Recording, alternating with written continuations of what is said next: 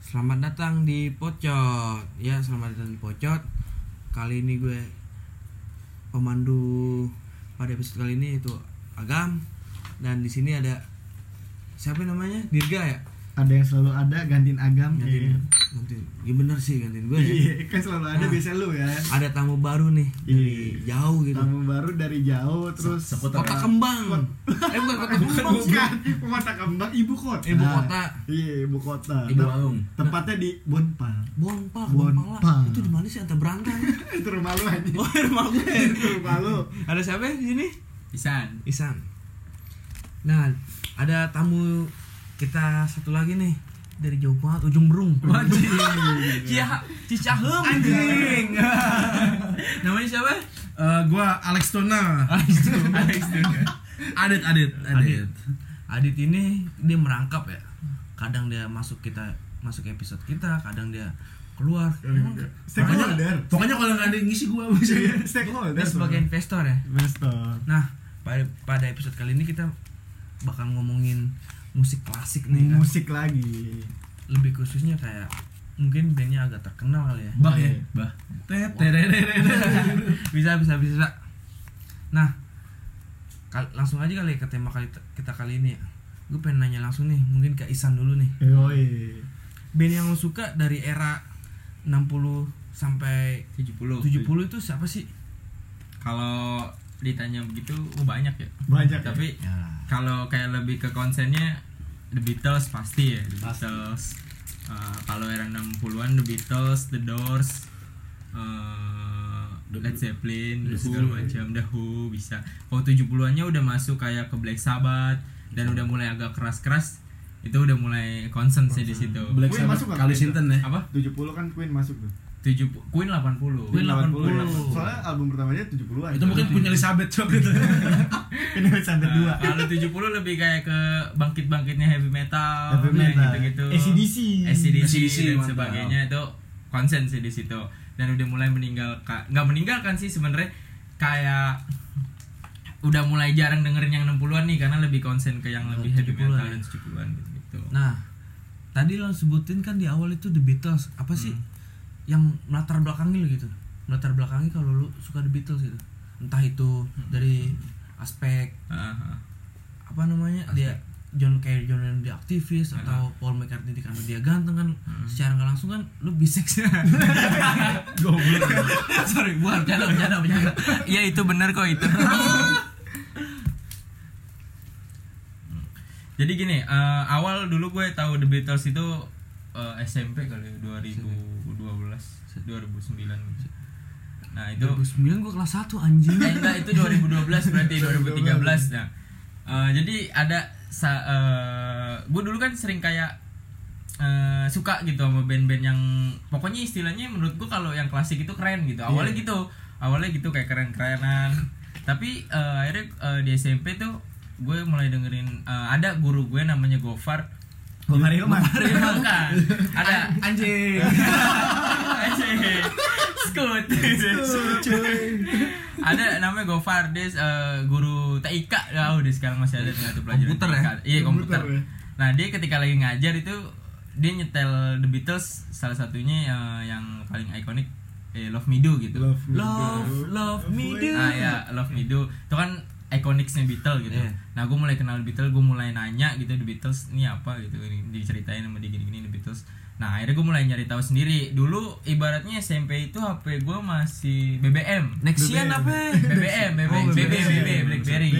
Jadi kan udah bisa mulai browsing browsing tuh, browsing browsing itu sampai gue baca Wikipedia-nya The Beatles itu eh, hampir dua jam karena kan di Wikipedia The Beatles itu setiap personil punya Punya page- ceritanya masing-masing eh, ya. page-nya sendiri gitu Iya, di benar. Wikipedia. Itu salah satu band yang setiap personilnya punya page-nya sendiri. Salut sih. Jadi mulai belajar itu wah ternyata menarik nih gitu, menarik dari sisi story dan segala macam dan secara lirikal kalau itu gitu. Kalau Ere coba-coba ngulik, wah anjing The Beatles ternyata pas nih gitu. Pas. Eh, udah gitu. Sesuai. Akhirnya sesuai passion gitu kan. Di saat yang waktu itu gue lagi menggandrungi reggae sebenarnya. Oh, reggae. Ah. Momenan. Ah, dan ya Nyalakan api.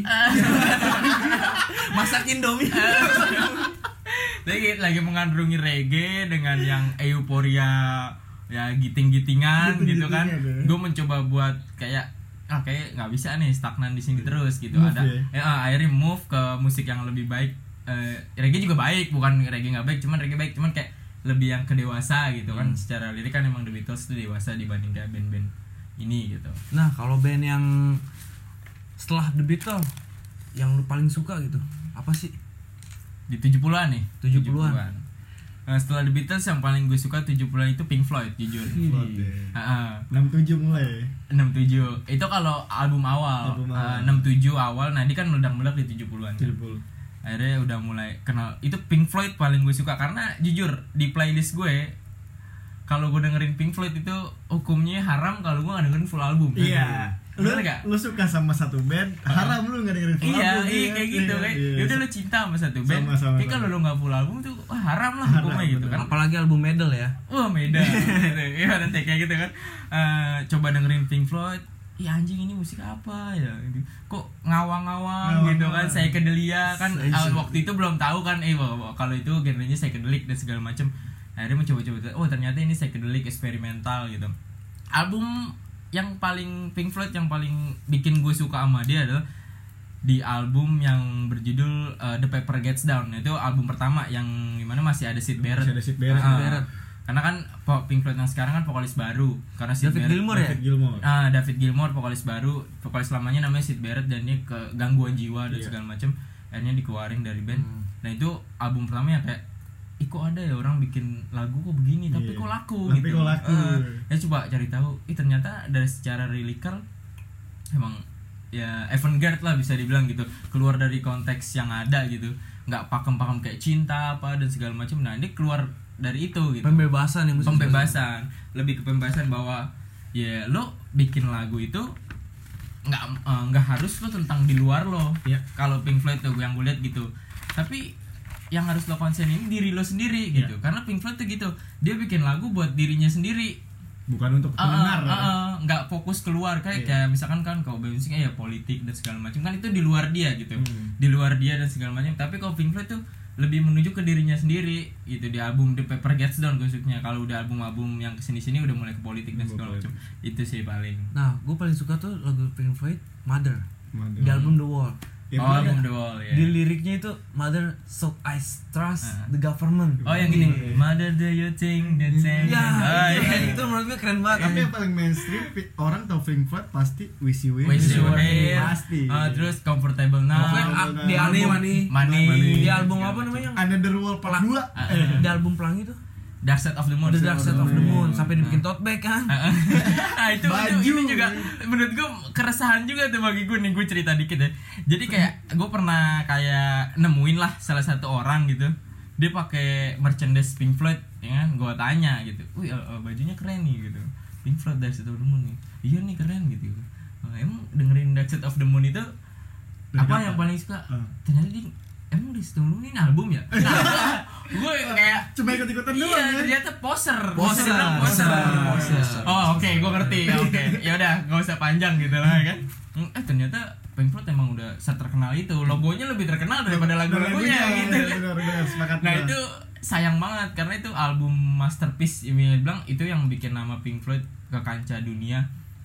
Bahkan kan bisa dibilang di tahun segitu tuh eh, musik-musik eh, barat gitu bisa dibilang susah masuk ke Asia tapi Iya. berkat album itu Pink Floyd Pink masuk ke Asia. Asia. Jadi kayak pas nemuin itu Ih, anjing lu sayang banget gitu. Iya. Lu cuma tahu nih logo Pink Floyd gitu. Tapi Tapi, nggak lu tahu nggak tahu lagunya. lagu-lagunya itu sayang menurut gue. benar sepakat. Nah, kalau dari Adit sendiri nih di era 60 atau 70-an band apa sih yang lu suka gitu? Yang paling lu suka?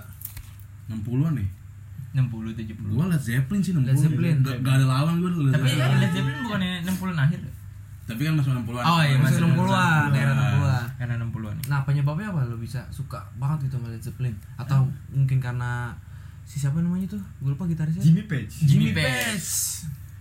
Gue suka sih kan gue memang suka klasik rock gitu kan Iya. Gue sebelum dengerin Led Zeppelin tuh gue dengerin ACDC berapa tahun tuh Tapi ya, nggak Heart kan? Hah? Still Heart. Nah? Iya kan? Gue aslinya pendengar ACDC sampai gue tuh nggak mau nggak mau nonton konser sampai ACDC nggak mau datang. caranya gimana caranya ACDC datang ke sini gue nonton Oh iya, jadi Angus Yong ya. gue mau pawanin nonton konser gue tuh sama ACDC cuma nggak datang anjing Iya dia emang belum pernah datang ke Indonesia. Iya.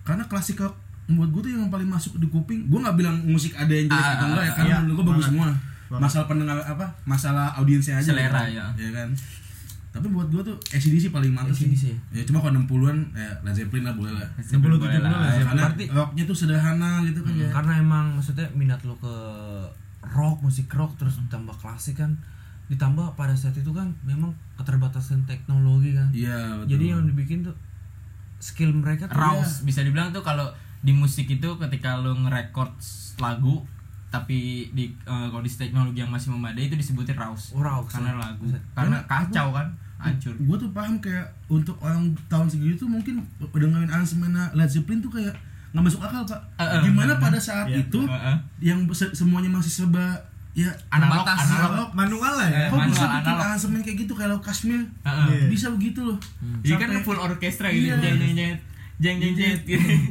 sampai Jack Black tuh bilang e, Hmm. Come on guys kita tahu kalau lu tuh kontrak sama setan jadi Ya. gua gak peduli nanti lu di neraka lu di apa lu disiksa segala macam kita manusia di bumi tetap euforia dengan musik lu Iya benar. dan katanya dengar Stairway to Heaven Iya. itu konspirasi ya. Iya. sampai ada apa Teori. angga- anggapan tuh gini saking seringnya diputar apa Stairway to Heaven di toko-toko gitar di Amerika Heeh. kalau ada yang mainin Stairway to Heaven pas lagi nyoba gitar baru disuruh berhenti saking pasarannya gitu loh. Saking oh berarti di zaman itu kayak kalau sekarang itu kayak lagi band-band indie lah ya senja-senjaan band gitu ya. Iya. Kopi-kopi senja Ah, anjing. segala Nah. macam gitu ya. kalau dari Dirga sendiri nih di era 60 atau 70-an band apa sih yang lo paling suka gitu Kalau gue jelas pasti the founding father ya, the Beatles. The Beatles. Pasti ya. Kenapa itu? Sama dong. Iya, pasti.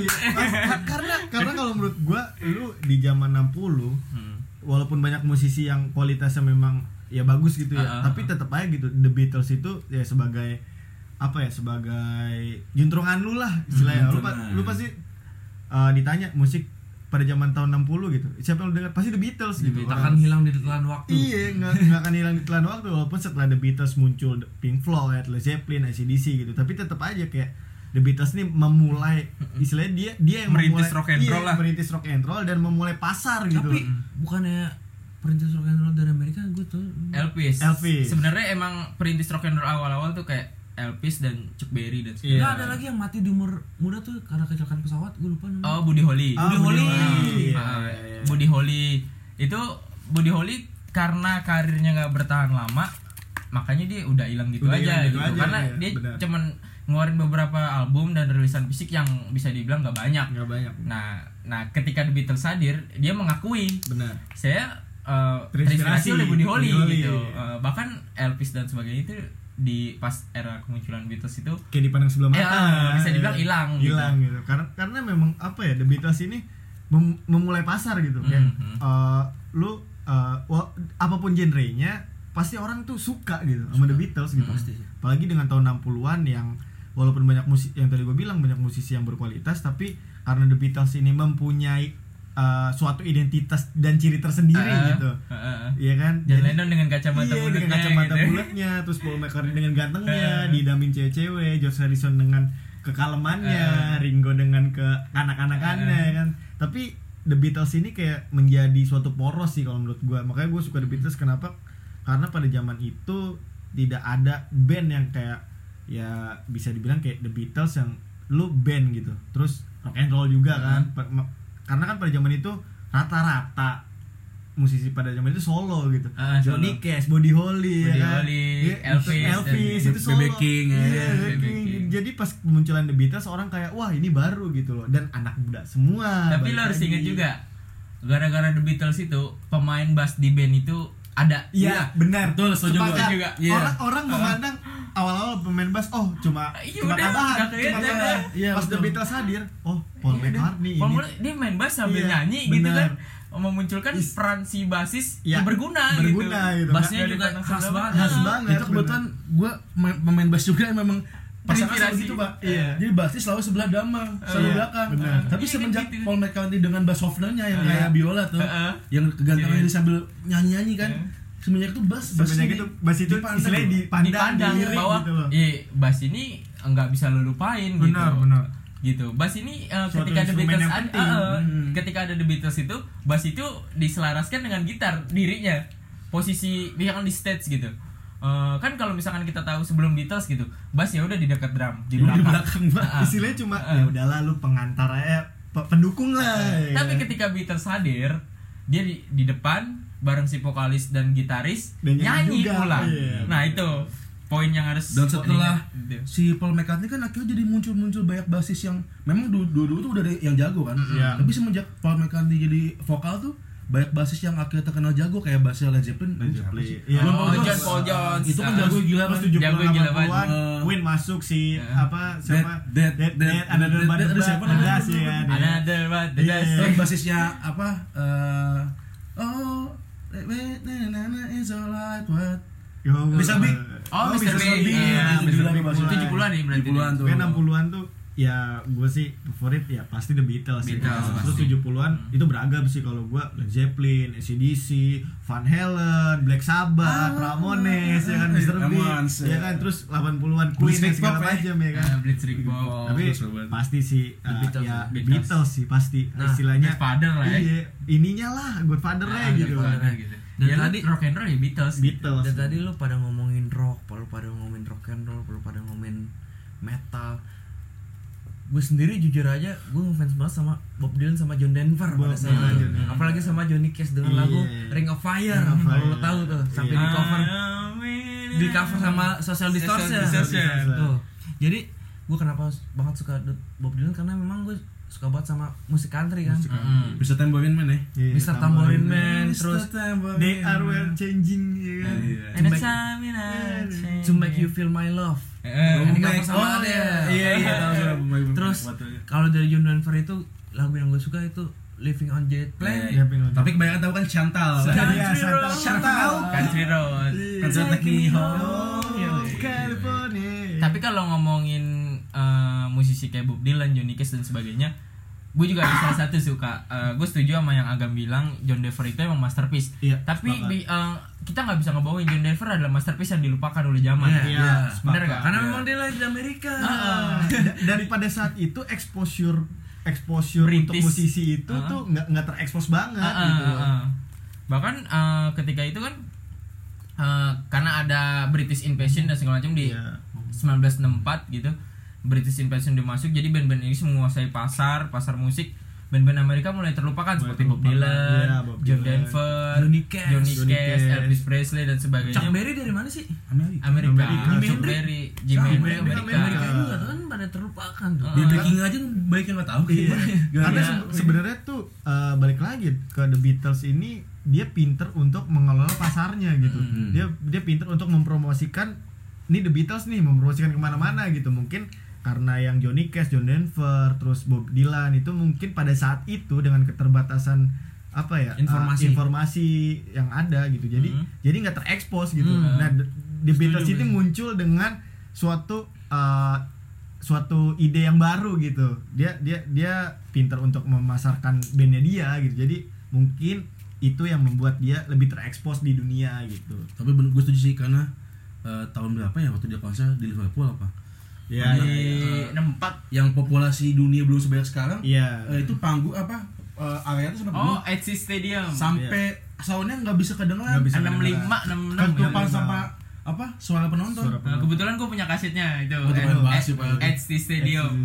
Itu. apa dengan populasi yang di- belum sebanyak sekarang tuh sampai sebaik itu yang nonton sih ajaib banget sih menurut gue Beatles tuh. Jadi kayak dulu tuh ibaratnya lo kalau nonton The Beatles ya lo harus buat teropong. iya benar. Heeh, lo harus Itu sampai di video klipnya tuh sampai teriak-teriak nggak ada Heeh, udah bener kan. kebanyakan soalnya cewek. Yang video klip and shot tuh. iya benar. Nah, Nah, euforia itu berakhir ketika The Beatles itu akhirnya mengalami masa anjlok Iya. gitu kan. Di 1966 67 apa 667 lah dia anjlok karena salah satu argumennya si John Lennon yang uh, menurut gue itu kayak mengadakan pro kontra dan segala Iya. macam karena dia bilang gini uh, The Beatles Yesus tidak terkenal tidak katanya terkenal. uh, The, Beatles, lebih terkenal daripada Yesus iya. nah di situ di situ jadi mungkin, kayak benar. wah uh, di- uh, si John Lennon ini salah angka karena kan kita lihat dari backgroundnya si John Lennon ini emang paling rebel di antara empat ini kan Hmm. di antara di Ringo, Paul dan George ini dia emang paling rebel jadi kayak uh, udah itu menurut gua kesalahan fatal di Ya. pasar The Beatles yang lagi naik dia ngomong kayak gitu akhirnya uh, di tahun yang segitu rekaman dan radio-radio menyiarkan Beatles itu diblok di blok bener. rekamannya dibakar Karena pada saat itu orang-orang apalagi di khususnya di Amerika Serikat masih konservatif. ya konservatif kan? terhadap Iya, agama terhadap Katolik agama, dan segala macam gitu. apalagi kan pa- pada tahun itu tuh isu rasial juga tinggi banget Iya. sampai Martin Luther tuh Martin dibunuh Luther. Martin Luther. aktivis HAM gitu Aktivis Sam. Tapi eh, ngomongin rasial gitu, eh, The Beatles pernah nge apa ngedobrak juga nih masalah rasial. Iya. Jadi kayak dia pernah diundang di mana gitu di eh, Inggris gitu. Dia diundang eh, di tribun tempatnya dan di tribun itu ada kelas-kelasnya kan kalau ke tribun kan Iya, benar. Eh, festival dan segala PFI dan segala macam. Nah, di festival itu harus kulit hitam. Ya. Di PAV itu nggak boleh ada kulit hitam dan segala macam. Dan tahu apa yang eh, tanggapan John Lennon? Eh, saya nggak mau konser kalau penonton saya dipisah-pisah. Saya mau orang kulit hitam dan kulit putih itu disatukan. Iya, nah, itu ya. tercatat dalam sejarah bahwa eh, suatu band suatu band itu bisa menyatukan warna kulit, Warna kulit. yang segala macam itu Sepakat. gitu ada sih filmnya di uh, Act This Week. Itu di di konser Woodstock atau bukan sih? Enggak dia konser sendiri Oh, konser tunggal. sendiri. Uh, Terus di Amerika ya? di Amerika di Iya, Amerika kalau nggak salah di Amerika. Jadi kayak uh, di Amerika kan lagi isu rasial yang Rasial cukup kental gitu. Nah John Lennon ini nggak mau kalau penontonnya itu disikat-sikat Disikat. antara kulit hitam dan kulit putih. John Lennon ini mau ya udah kulit hitam dan kulit putih itu sama ya Semua lo manusia sama lah gitu ya. kan. Heeh. karena ya tanpa kelas dan segala macam. Lo mau datang ke sini ya nonton musik ya kan nggak ada rasial unggul dan segala macam nah ketika ditanya gitu dia nggak mau konser akhirnya akhirnya uh, pihak promotor yang mulai luluh akhirnya karena The Beatles yang lumayan powernya besar itu tercatat dalam sejarah bahwa kulit hitam dan kulit putih bernyanyi berdansa bersama-sama di konser The ya. Beatles nah Gabung. dari tadi terlalu banyak ngomongin The Beatles nih kan Iya. Karena uh, The Founding Father. The Founding Father. Iya, nah itu gue pengen tahu dari sudut pandang Adit nih Mm-mm. yang memang sebagai gitaris Waduh, waduh, waduh, Iya. waduh. berat. sebagai gitaris jadi gue pengen ngambil sudut pandang tuh bahwa apa sih yang ciri khas gitu dari musik klasik rock zaman dulu tuh Klasik rock zaman dulu sebelum era ini berarti ya Metallica gitu ya. Metallica Iya, Metallica kan 80 Enggak, Pak. Metallica 80 dia udah 80 masuk ya? modern lah. Ah. Bisa dibilang 70 80. Kalau klasik rock tuh menurut gua liriknya tuh apa ya kayak Tajam. straightforward gitu loh. Oh, iya. ah. Udah apa langsung langsung ke poin aja dari aransemennya tuh memang yang nggak nggak nggak mungkin gampang kan. Ah, ah. Cuma maksud gua tuh aransemennya sederhana jadi di kuping itu kita masih bisa nangkep nih. Ah, easy listening lah Ah, ya. isi listening tapi ada distorsinya, ada, Ada apa? balatnya. Mixingnya yang Iya, bagus ah. lah gitu. dan bass ba- ba- bass apa eh nah, bass oh iya, bass riff bass riffnya juga lumayan gitu loh Mm-mm. untuk tahun segitu. Line bass ya. iya apalagi ketika lu dengar Led Zeppelin nih kalau lu matiin bassnya pakai headset lu dengar cara main John Paul Jones itu gila banget sih menurut Gila banget ya. Karena emang di Led Zeppelin itu dia salah satu basis yang bassnya itu eh, walaupun line bass kan kalau gue juga salah satu basis. asik Jadi kayak Basis sama basis nyambung. jadi kayak nyambung. oh gue basis masa Basis masa. lumayan tahu lah teknik-tekniknya gitu. Nah Led Zeppelin itu salah satu orang yang line bassnya dia main bassnya yang lima senar, lima Iya. sampai enam senar. lima senar Nah, jadi kayak dia main bass ya udah kayak main gitar chordnya. Iya, iya, iya. Hmm. Nah itu di zaman itu lu out of the box gitu. karena Iya. pada zaman itu eh, biasanya tuh bass riff untuk rock tuh eh, ini biasanya tuh agak-agak apa ya Eh, monoton aja gitu. Monoton ya. simpel misalnya Nah. si gitaris main di C G A minor. Ya udah aja ikut gitu Iya, gitu. ketika gitaris udah masuk melodi, si bassnya cuma C C C C Iya. G G G tapi berubah. Gua nggak tahu yang John Paul Jones apa bukan, cuman apa jadi main bassnya tuh kayak Iya. main jazz, main kontrabas, pada kontrabas, 60-an tuh ya kan. ah. Nah, kalau bisa diambil kesimpulan bahwa dari tadi lu bertiga ini sepakat bahwa memang musik pada era 60-an atau 70-an ini lebih berkualitas ya dibanding era sekarang. Bener gak sih? Iya. Kalau gue pribadi Iya. sih, iya. Bisa dibilang ya. Karena karena seolah-olah tuh lebih dari da- dalam hati lebih jujur Iya. gitu loh. Karena Tanpa- jujur gini, lo dengerin musik dulu, sama dengerin musik sekarang, ketika ntar lo 20 tahun ke depan yang lo inget adalah musik di tahunnya 70-an Iya. bukan di tahunnya sekarang lo denger gue sepakat itu gue bisa jamin itu karena musik Gitu. musisi zaman sekarang juga men- istilahnya apa ya, uh, mencontoh lah belajar. Ah, ah, ah. belajar dari musisi tahun 60 70 juga tapi emang gue baca tuh bahwa di bukunya siapa gitu tentang seni ya. Jadi tuh di era 70-an dari se- segala seni desain grafis musik segala macem itu terakhir di tahun 70-an Ya. mentok ya mentok, mentok di 70 ta- 70 ta- 70-an nah setelah era itu itu adanya pengembangan doang gitu. Jadi oh jadi kayak ngikutin yang lama aja cuman dikembangin, Iya, dikembangin. lebih fresh gitu ya terus Iya, dengan iya, iya. apa namanya berkembangnya uh, teknologi juga kan dengan efek-efek yang bisa dibuat Segala lagi macem. ya dibuat nah itu lagi. menjadi kendala juga sebenarnya buat juga, kayak ya. ya kita kan bermusik buat orang lain ya ya Eh, kan kadang orang lain jujur kayak kita anak band gitu yang eh, dengan yang yang serba analog kan kita mampu gitu tapi kalau yang kayak sekarang harus pakai eh, efek ini efek itu efek itu Iya, yang iya. kita belum mampu sebenarnya. Kayak band-band yang kita baru kayak merintis itu menjadi suatu fatal bisa dibilang fatal. Karena Ih, musik lu nggak bakal kerekam Iya. gitu. Gue jadi inget tuh pas gue lihat di YouTube konsernya Pink Floyd yang di Pompei Yo, iya. Buset, yang itu tanpa penonton ya. keren banget itu maksudnya. Iya. dengan alat yang segitu banyak kan mungkin di zaman sekarang itu alat-alat itu ya diminimalisir mungkin Mm. semua tersambung dengan laptop gitu Iya. kayak efek-efek psychedelic itu di, di, udah diatur dengan laptop gitu nah ter- terkait dengan apa musik-musik pada zaman dulu nih gue pengen tahu dari kalian bertiga bahwa ada gak sih lagu yang bikin makna yang apa namanya yang bikin apa ya yang punya makna tersendiri yang, untuk yang kita punya ya. makna tersendiri gitu buat lu semua yang ada di sini gitu mungkin dari Adit dulu nih tapi Lagu apa konteksnya bebas ya konteksnya Bebas bebas cinta mau politik ya Iya. Kalau gua one, one and only sih, Stairway to Heaven. Stairway to. Heaven. Itu gua rasa nggak akan ada matinya. nggak akan ada Nah, mati. Led Zeppelin memang banyak hits sih, cuman yang paling Starway to Heaven dalam tuh Stairway to Heaven man. Ya.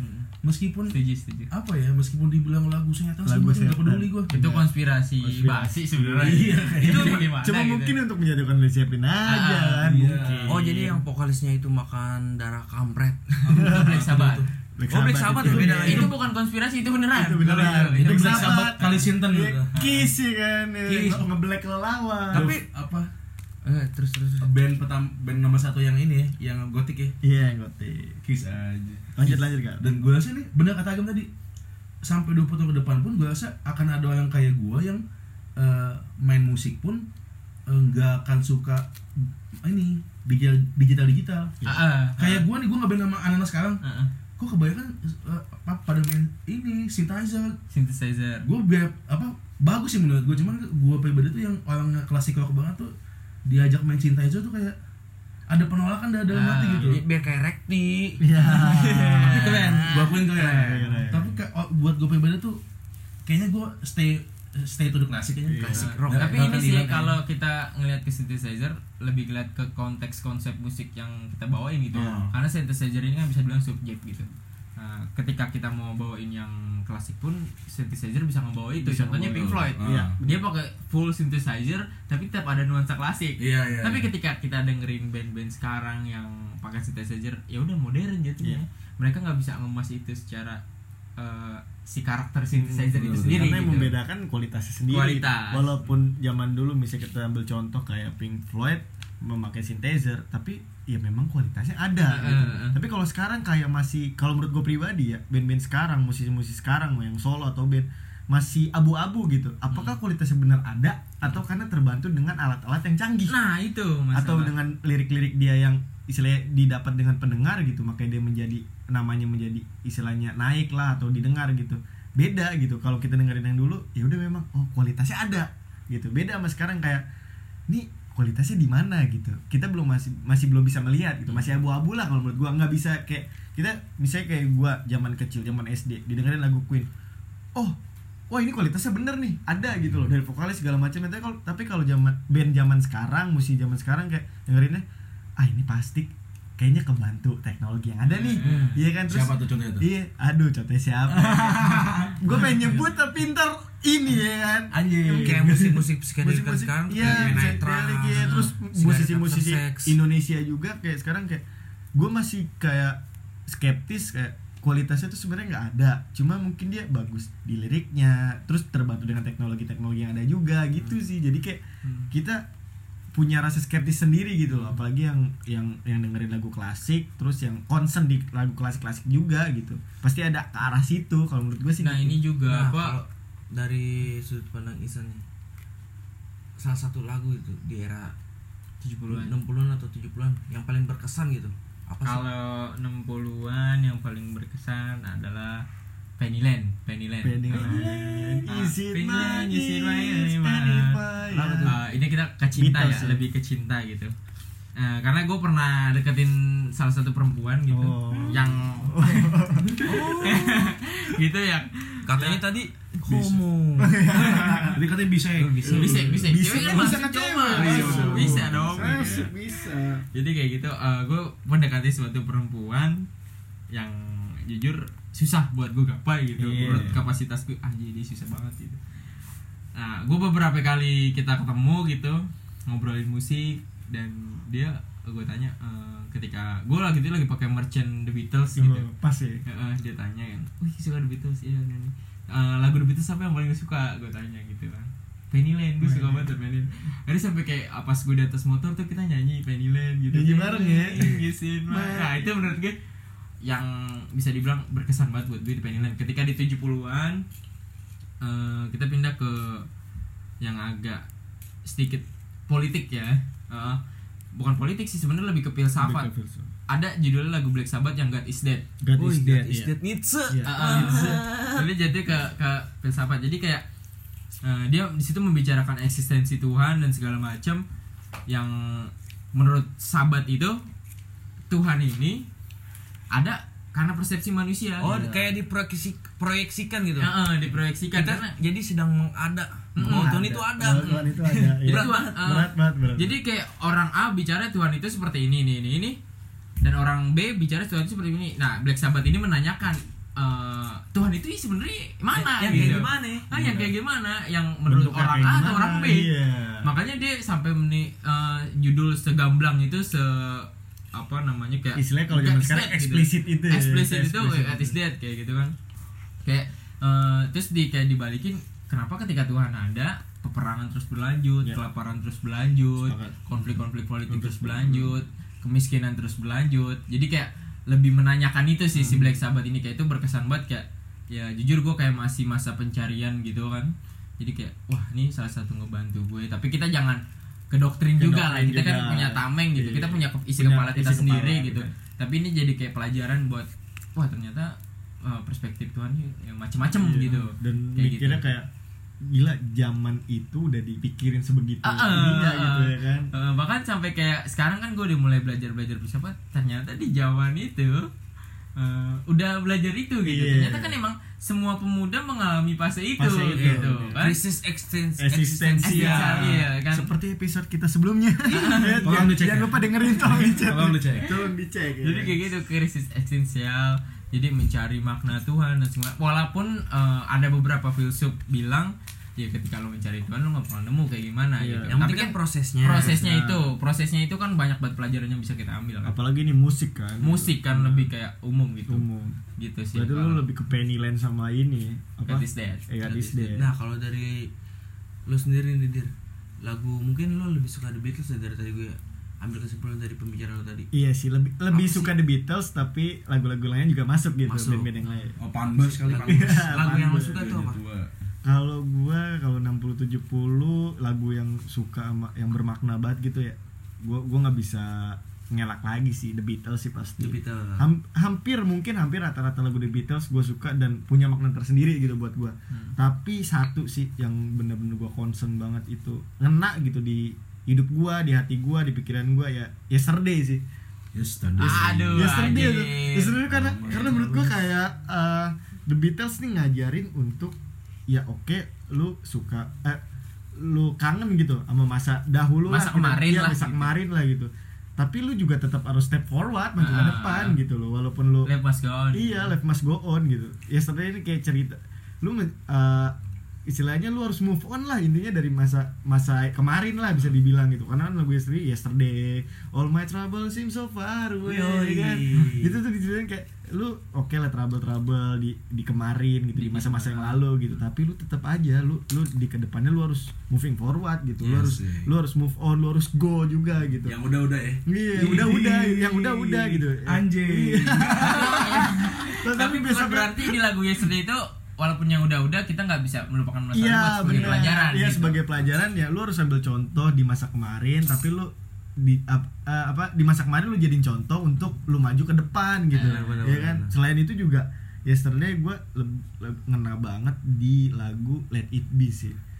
Let It Be tuh kayak Mother Mary He comes to me speaking all of wisdom Let it be Jadi tuh lagu-lagu The Beatles tuh yang tadi lo sebutin kayak dia kayak lebih motivasi sih ya. Iya, Motivasi. motivasi, untuk eh, apa ya lebih maju ke depan gitu ya apalagi dengan stigma yang ada The Beatles awal-awal gitu lagu cinta beberapa album beberapa tahun malah lagunya terkenal ya oh The Beatles cinta nih ya kan lebih ke cewek Benar. kan. tapi dengan munculnya lagu-lagu itu Yesterday Let It Be apalagi gue lebih fokusin ke Let It Be tuh kayak ya untuk memotivasi diri kita untuk ini juga sih apa namanya untuk mengubah pola pikir kita juga Iya. gitu loh lu kalau ada masalah ya udah let it be aja gitu Mm-mm. Lo harus optimis sama harus hidup ya. optimis gitu walaupun lu susah dan segala macem kan seperti di liriknya there, there is will be an, an answer There gitu will Apa- be iya, an answer. let it be lu lu pasti nemu jawabannya gitu. Menurut gua uh, The Beat uh, gua nggak bisa mungkiri juga musisi-musisi setelah The Beatles itu bagus-bagus gitu apalagi dari segi lagunya dan segala macam liriknya maknanya itu banyak juga tapi untuk gue pribadi karena gue suka The Beatles juga ya dua lagu itu sih yang membuat gue suka banget sama The Beatles terus kayak wah gila sih ini ini musisi tuh uh, apa ya istilahnya bisa memotivasi kita untuk tetap Maju gitu, maju tetap gitu, menjalankan iya hidup. tetap menjalankan hidup. Itu pengalaman pribadi kayaknya. Ya mungkin ya, ya. bisa dibilang mungkin ya. Kalau gue anda pribadi, tertolong ya? Iya. Anda bisa saja. Kalau gue pribadi sih gue sepakat sama Ucok tadi banyak lagu-lagu The Beatles tuh yang mempunyai makna gitu. nah buat lu nih apa nih yang yang berkesan nih Iya, yang kasihin menurut gue- soalnya. iya kita tanya dulu ya yang Paling berkesan tuh gue Living on Jet Jet Plane Oh. dari Oh, Jen Denver ya, Santa Santa Jen Denver Jadi pada aslinya. saat itu kan gue dengar lagu itu di cover sama orang terus gue nyari tahu oh ini ternyata lagu aslinya tuh John Jen Denver. Jennifer Nah, gue denger itu ya kayak masa LDR gue lah. Oh, Dari Jakarta ke Cinta Karawang. nih, berarti nih. cinta Living on the jet cinta. Harusnya bukan living on jet plane, living on jet, jet apa bus. Oh. Living on the bus. Eh, Living bus on the plan. travel. bus plan. Living on the Plan pesawat coy. tapi trainnya berarti di kebayoran Jadi pada saat itu gue denger lagu itu anjing kayak berkesan gitu. I'll be back again I'll be back Saya again. bakal Bakal kembali lagi. Iya, aku bakal kembali lagi ke kepelukanmu gitu. berarti dulu lu bucin ya Enggak, Bu. Sih. enggak lah semua orang mau ma- mau ngalamin pas sebutin gitu kan Eh, ngomong-ngomong bucin, kita tes juga di episode 13 ya. Tolong diramaikan Tolong diramaikan. Dengerin lagi. Nah, dari tadi kita udah berbicara banyak ya tentang era musik tahun 60 sampai 70-an ya. Mungkin bakal panjang sih kalau kita ngomongin lebih lanjut kali ya. Iya. Mungkin bakal ada Part lagi kali ya, gitu iya. tentang ngomongin musik klasik gitu. Entah dari segala genre dari musik dari dari pop, sosio dan politiknya gitu ya Politiknya. ya mungkin dari sosial dan politik mungkin ke depannya kita bakal bahas itu Iya. kiprahnya John Lennon Iya. ya kan? macam wah itu kurang tuh itu Iya, harus iya, dibahas iya. Nah, makanya dibahas. next itu jadi bakal Oh, iya. episode kita selanjutnya. Karena nanti kita kelamaan.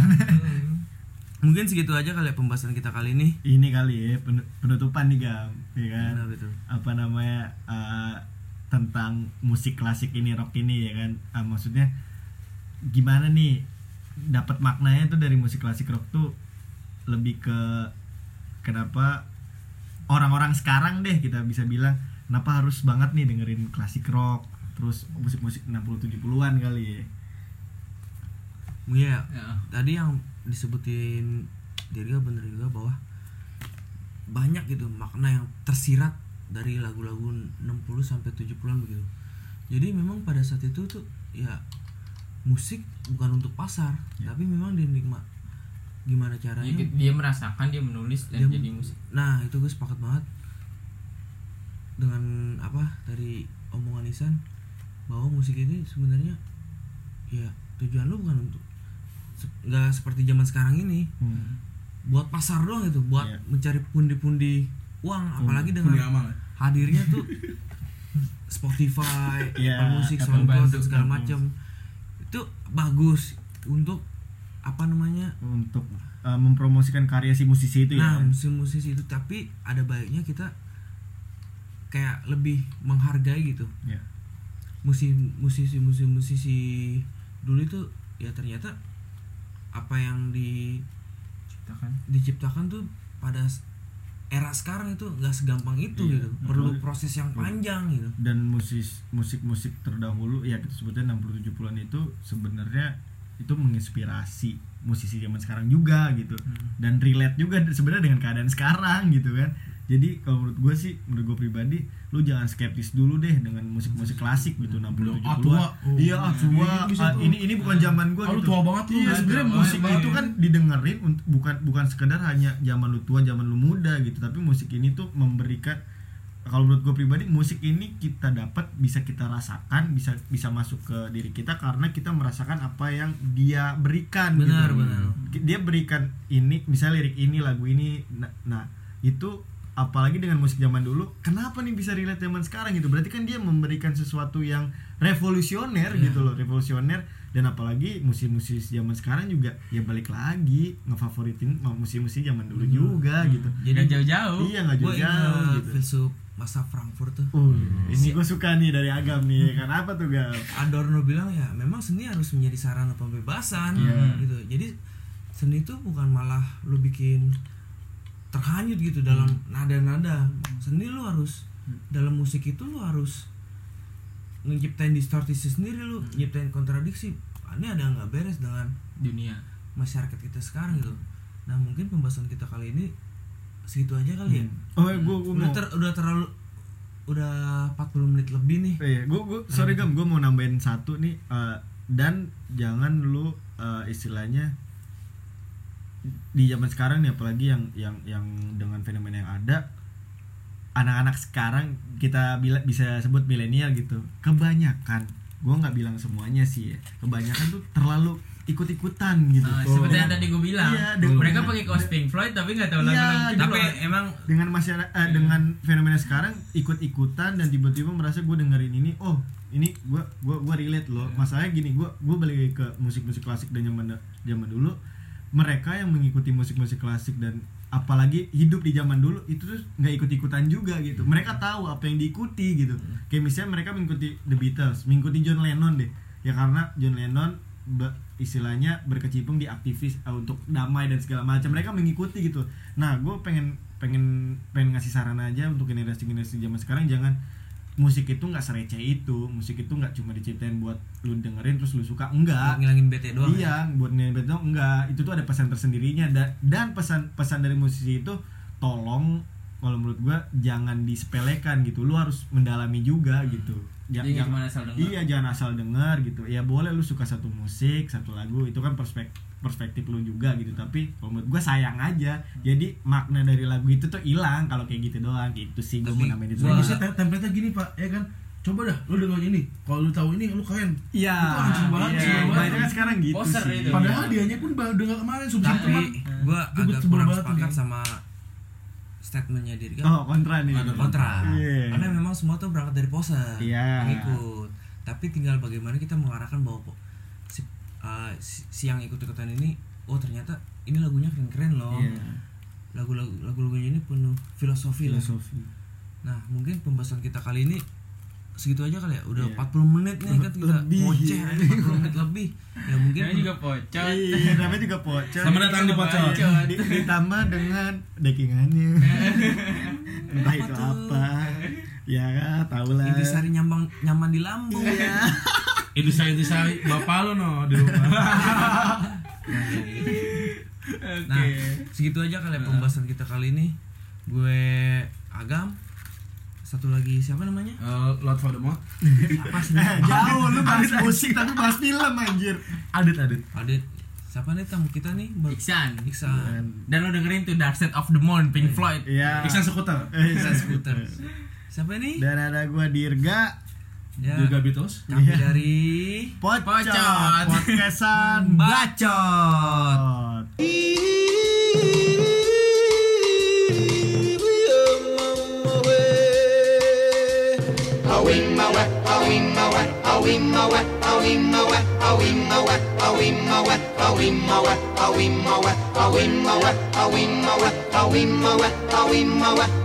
mawat, mawat, mawat, mawat.